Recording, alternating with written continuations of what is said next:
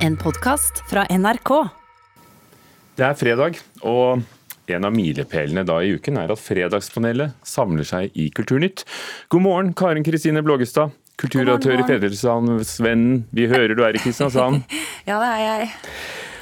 Bjørn Hatterud, skribent og forfatter, nå sist i sommer av boken 'Mjøsa rundt med mor', ei livsreise. Morgen, morgen. Og Kristin Skarrår professor i journalistikk ved Storbyuniversitetet Oslo OsloMet. Hei. Nobelprisen i litteratur i år går til Nobelpriset i litteratur år 2020 går til den amerikanske poeten Louise Glick for hennes omisskjennlige poetiske røst, som med streng skjønnhet gjør den enskilde menneskens eksistens universell. Er Svenske Akademien så lei av oppmerksomhet at de velger en for mange ukjent amerikansk lyriker, Karin Kristine Blågestad? Nei. Kristin Skarrogeret? Nei. Bjørn Hatterud? Nei. Et godt valg, altså? Eh, godt valg, ja. Jeg vil jo si det. Altså, jeg, jeg må innrømme at jeg hadde ikke hørt om henne før. Um, så jeg begynte å google og leste Wikipedia, og ser at her er det snakk om en forfatter som har fått det som finnes av priser tidligere. Eh, og som har eh, både undervist i poesi, og som er en eh, anerkjent poet av veldig mange. sånn at og som har tatt for seg temaer som spiseforstyrrelser og traume etter 11.9. Eh, og sånne ting. Ganske universelle ting. Og som ser ut til å ha en viss leserskare, særlig i USA. Og oversatt til norsk av Per Petterson, han med ut og stjele hester. Eh, Blågestad, men, men eh, lei av oppmerksomhet er de, er de ikke altså i Svenske Akademien. Du tror at dette vil være det som gjør det igjen stas å få prisen etter at eh, det var skandaleomsust der for noen år siden? Ja, jeg tror at uh, dette er en pris uh, altså hvor de igjen ikke lytter til uh, hva veldig mange sterke pressgrupper ønsker Hvem de ønsker skal få prisen. Og jeg syns jo det er et veldig forsonende trekk at de har integritet, at de har en sånn egen selvstendig, solid vurdering hvor de ikke lytter så veldig mye til den litterære populismen, for å si det sånn, ute i verden, og at de gjør egne selvstendige valg. Og det gjør jo at at prisen får integritet, og gjør det jo også eh, mulig for dem å være litt sånn rock'n'roll da i utdelingen noen ganger.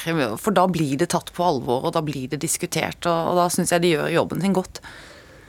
Det var vel snarere fjorårets eh, prisutdeling til den veldig kontroversielle østerrikeren Peter Hanke og polske Olga, som ingen helt klarte å uttale etternavnet til, som var nettopp den prisen som mange mente tok oppmerksomheten bort fra de store interne problemene i svenske akademiet. Mens i år så virker det jo som vi er tilbake på et slags spor, og, og at man fokuserer først og fremst på litteraturen igjen. Er det da stas å få nobelprisen, tror du, Bjørn Hatterud? Altså, nå var jo ikke du nominert, men Nei, hvis det skulle skje? Altså, altså, hvis noen vil nominere meg, så er det bare å gjøre det. Eh, men eh, ja, klart det er det. Og det her er jo et mønster fra tidligere også, at de innimellom velger forfattere som i gåsehudene ingen har hørt om. Eh, mens de regelmessig, relativt regelmessig velger forfattere som har fått bøker filmatisert, og på den måten har sneket seg inn i en eller annen form for kollektiv bevissthet uten at vi har fått med oss forfatternavnene tidligere.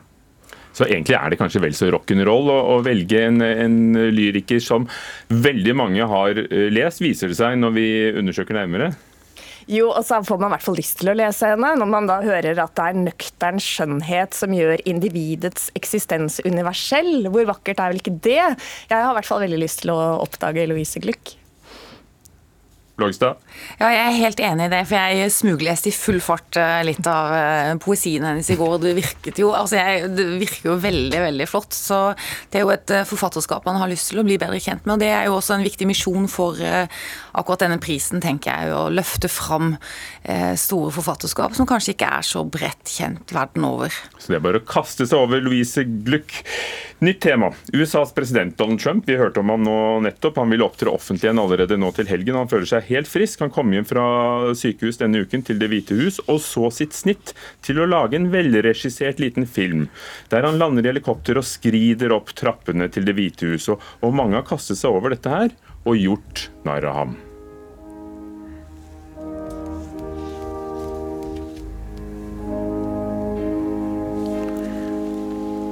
Don't cry for me, White House staffers. The truth is, I will infect you all through my tweeting, my mad existence. I broke my promise, won't keep my distance. Ikke Vita, men Covita, laget av organisasjonen The Lincoln Project, som eh, prøver å ta Trump i, i løgner, grovt sagt. Er satiren som dette sterkere enn PR-stuntet det gjør narr av? Bjørn Hattere. Nei. Kristine. Ja. Og, og, og Karen Kristine. Nei. I dette tilfellet er det det virkelig veldig ikke, for her er jo originalen veldig mye bedre enn satiren. Originalen er satirisk nok, og satiren her er ikke sublim nok. Jeg synes det, var, eh, det, var, det er for opplagt og for åpent. Det er et eh, helt kjempeåpent mål for denne filmen som Trump og hans rådgiver laget, var så banal. Det var en diktator verdig. Det var noe man kunne ha tenkt kom fra Nord-Korea eller noe sånt. Hmm. Det er jo litt av problemet her at satiren har svært vanskelige kår for tiden. Både internasjonalt, vi ser den pågående rettssaken mot Charlie Hebdo, men kanskje nå aller mest i USA. New York Times sluttet jo med sine satiretegninger i fjor og stilte spørsmålet er det heltid, i det hele tatt mulig med satire i Trumps tid. Og her syns jeg at Lincoln Project har fått det til, ikke minst i lydbildet, da, som da er også i seg selv nærmest en parodi på, på musicalen Evita. I oppfølgingsverset til det vi så her, så er det jo Don't Cry For Me Secret Service, hvor vi ser at um, klipp fra denne bilturen mens uh, presidenten var innlagt på, på militærhospital. Og jeg syns at uh, dette treffer noe på sitt litt uh, utrerte satiriske vis. Ja. Men hva vil få flest velgere i valgkampen? Er det Trump med sin PR-film, eller er det motstanderne med, med sin parodi? Så det er Problemet med den eh, satiren her er at den fordrer jo bl.a. at du har et forhold til Evita. Altså, det fordrer at du har sett musicals, at du forstår ordspillet osv. Eh, jeg tror den harde kjernen i velgermassen til Trump nok ikke vil la seg berøre av det her. Hvis en ser på antall seere også på den videoen, så er det et par millioner. Det er ganske mange færre enn de som har sett Trump sin tweets. Eh, men det er klart, de man ønsker å nå, nå er de som er i midten.